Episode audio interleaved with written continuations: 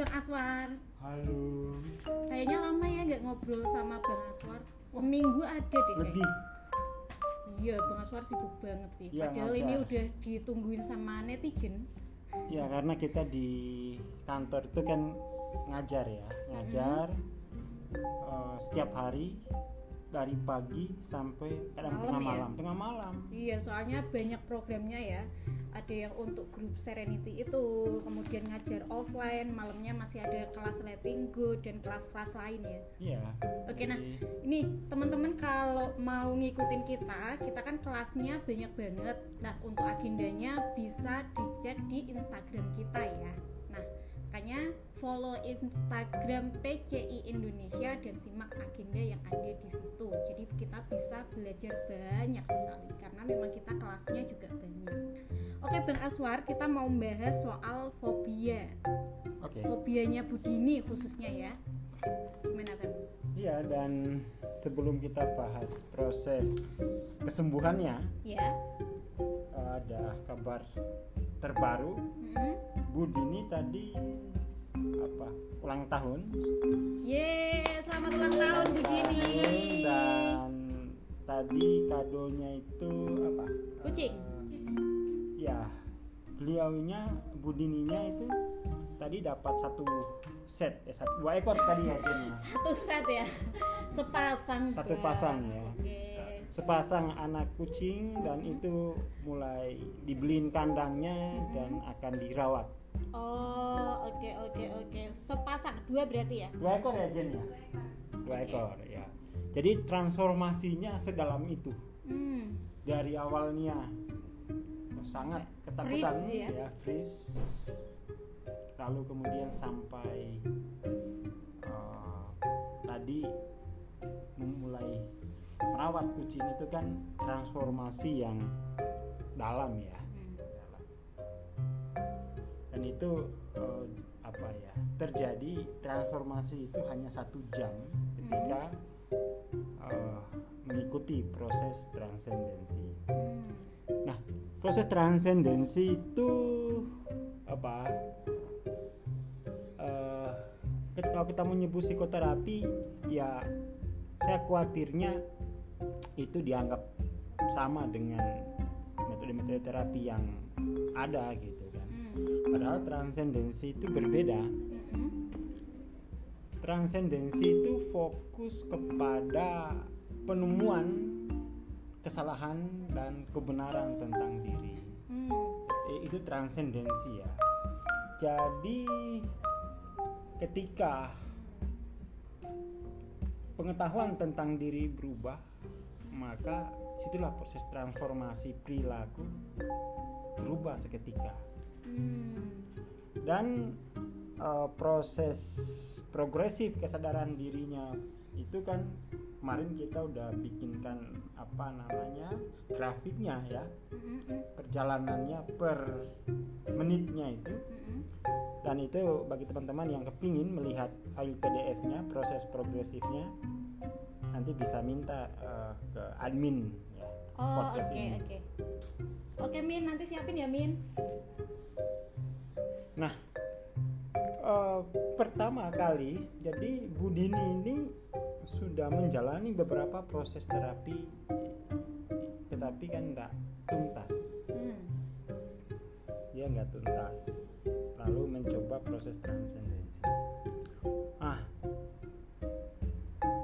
proses transendensi eh, dimulai dari apati jadi dia dalam hubungannya dengan kucing itu dia sudah putus asa karena sudah mencoba beberapa proses penyembuhan dan tidak tuntas, tidak tuntas. Mungkin berhasil tapi tidak tuntas. Hmm. Dan itu menambah mungkin gak sih saya bisa dipulihkan hubungan dengan kucing gitu. Kayak sudah hopeless gitu ya. Ya hopeless, hopeless itu artinya saya mencoba apa pun gagal tidak pernah tuntas itu hopeless Hmm. ya kan? dan itu sebuah saya mencoba apa pun selalu gagal. tidak tuntas Oke. di situ kan dia dirinya itu sudah hopeless Hmm. tidak punya tidak tahu harus berbuat apa lagi untuk menuntaskan masalah itu itu udah hopeless dia maka di sini kemudian tuh saya tahu saya tawarkan mau ndak menjalani proses transendensi Hmm. ini sesuatu yang baru dan kebetulan kan Bu Dini anu ya, pe- apa pelajar ya pelajar di komunitas PCI Hmm. dia tentu sedi- kurang sedikit banyaknya dia mengerti pembeda-pembedanya lalu eh, dengan mungkin sekenanya saja akhirnya mau-mau gitu Hmm. lalu kemudian dibikin jadwal kita bikin jadwal dan setelah kita bikin jadwal nah di situ proses apatinya itu muncul lagi energi apatinya itu Hmm. Jadi eh, ketika dia membuat jadwal dan masuk ke proses persiapan di situ dia mengalami kehilangan energi lagi. Dari apati terus mau masuk ke proses terapi itu ada kehilangan tenaga. Jadi katanya eh, hari be- eh, kan besoknya gitu mau terapi malamnya itu menginginkan dia tidak bersemangat gitu tidak ingin menjalani eh, proses. untuk besok. Untuk besok. Dia mengharapkan besok itu proses transendensi itu tidak terlaksana Hmm. Mungkin karena ingat proses proses sebelumnya ya. itu progresif kesadarannya Oh, oke. dia mengalami kehilangan tenaga untuk menjalani proses terapi. Jadi dari putus asa ke menjalani proses terapi, dia melewati fase kehilangan energi, kehilangan tenaga. Itu ada hubungannya sama kehilangan harapan juga nggak? Eh, apa ya? Ya kehilangan harapan dia dari 50 Mm-mm. lalu kemudian dia mau menjalani apa namanya eh, cara lain Mm-mm. di situ dia memang kehilangan tenaga mau Mm-mm. tetapi tidak bertenaga untuk menjalani prosesnya Mm. secara mental dia mau Mm-mm. tapi secara fisik dia tidak punya energi untuk melakukan itu Mm. Itu fenomenanya. Fenomena proses bagaimana kita mau membantu orang yang sudah putus asa. Mm. jadi mesti kita sadar orang yang sudah putus asa ketika menjalani proses baru hati-hati. Mm. ada fase dia akan kehilangan tenaga. Dia kehilangan energi fisik. Nah itu. Makanya eh, budinya cerita malam-malam itu rasanya tidak bisa untuk apa ya eh, malam-malam itu dia sudah mulai kehilangan tenaga karena besok akan menjalani proses. Pagi-paginya itu juga mengharapkan cuma leye-leye gitu katanya di sofa "Ja- mudah-mudahan nggak jadilah bang Aswar. Apa eh, melanjutkan sesi itu. Bukannya dia nggak mau. Kalau putus asa saya apa saya nggak mampu. Mm. ya ada? Saya nggak mampu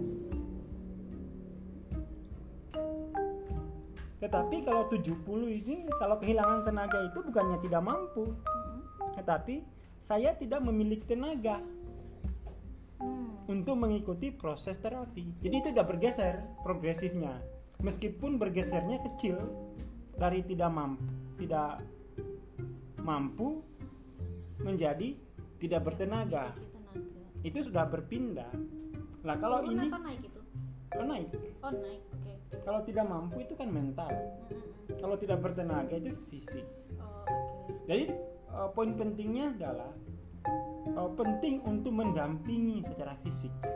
Mm. bagi orang-orang yang uh, sudah sampai di titik putus asa dalam sebuah hubungan. Hubungan dengan kucing ya kali ini. Ya, misalnya juga hubungan dengan utang. Orang-orang yang sudah putus asa untuk membayar utang Mm-mm. itu mesti didampingi secara fisik. Karena dia nanti ketika akan menjalani sebuah proses uh, transformasi dia akan mengalami fase kehilangan tenaga. Hmm. jika tidak ada temannya dia akan balik ke kondisi semula. Dia mengalami inersia ya. Oh, kembali ke kondisi awal putus asa. Jadi ini perlu di uh, manage ya. Perlu di manage dari putus asa ke proses penyembuhan itu akan ketemu fase kehilangan tenaga makanya pada melihat kenyataan ini motivasi saja itu tidak cukup untuk membantu orang yang putus asa Itu didampingi secara butuh fisik. didampingi secara fisik butuh ditemani selama proses. Butuh ditemani Mungkin ini juga bisa jadi bekal buat teman-teman yang punya teman sedang putus asa gitu. Berarti kita harus hadir untuk memberikan motivasi dan juga mendampinginya secara fisik gitu ya. saya pikir motivasi tidak perlu di Oh, tahap oke. itu yang diperlukan adalah Kehadiran fisik. kehadiran mungkin apa kalau bahasa kitanya itu perlu digandeng tangannya Hmm. Perlu digandeng tangan ya kan? itu penting sekali. Kalau kita melihat proses Budini ini penting sekali perlu digandeng tangan. Ketika uh, Budini mengalami itu dia disupport oleh Teman-teman teman-temannya. PCI ya. Ah. ayo bu ayo bu. Di ya disupport. Hmm. disupport kan itu disupportnya secara langsung. Teman-temannya hadir gitu. Saya kira itu ya poin pentingnya. Nanti proses-proses yang lain. Ini kan ada 14 proses progresif Hmm. mungkin eh, kali ini kita bahas dulu proses dari apati ke tujuh ke tidak bertenaga gitu Oke. jadi eh, di sini pentingnya apa namanya pemahaman kita terhadap proses progresif ini Hmm. jangan sampai kita orang dari 50 terus dia tidak bertenaga kita bilang dia malas Hmm. ya kan ah ini ya kan banyak tuh karena nggak paham proses progresif dia akhirnya bukannya mensupport bergandeng tangan malah mengutuk. Akhirnya kembali lagi ke apati. Hmm. seperti itu. Mungkin eh, hal semacam ini ya terjadi pada anak-anak ya.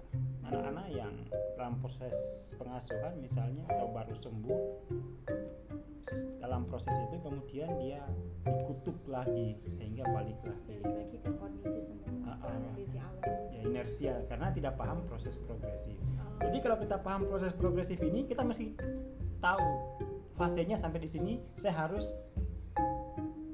menggandeng tangannya. menggandeng tangannya. Kalau perlu digendong. Oke. Seperti itulah.